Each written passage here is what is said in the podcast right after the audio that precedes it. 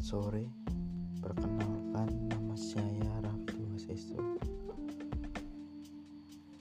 Saat ini saya sebagai mahasiswa, mahasiswa semester tengah.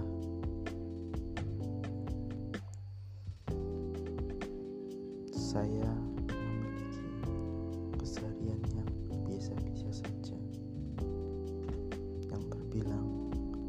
membosankan untuk didengar oleh para pendengar.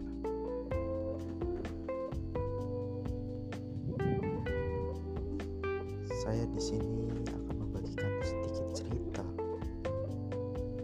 cerita kisah saya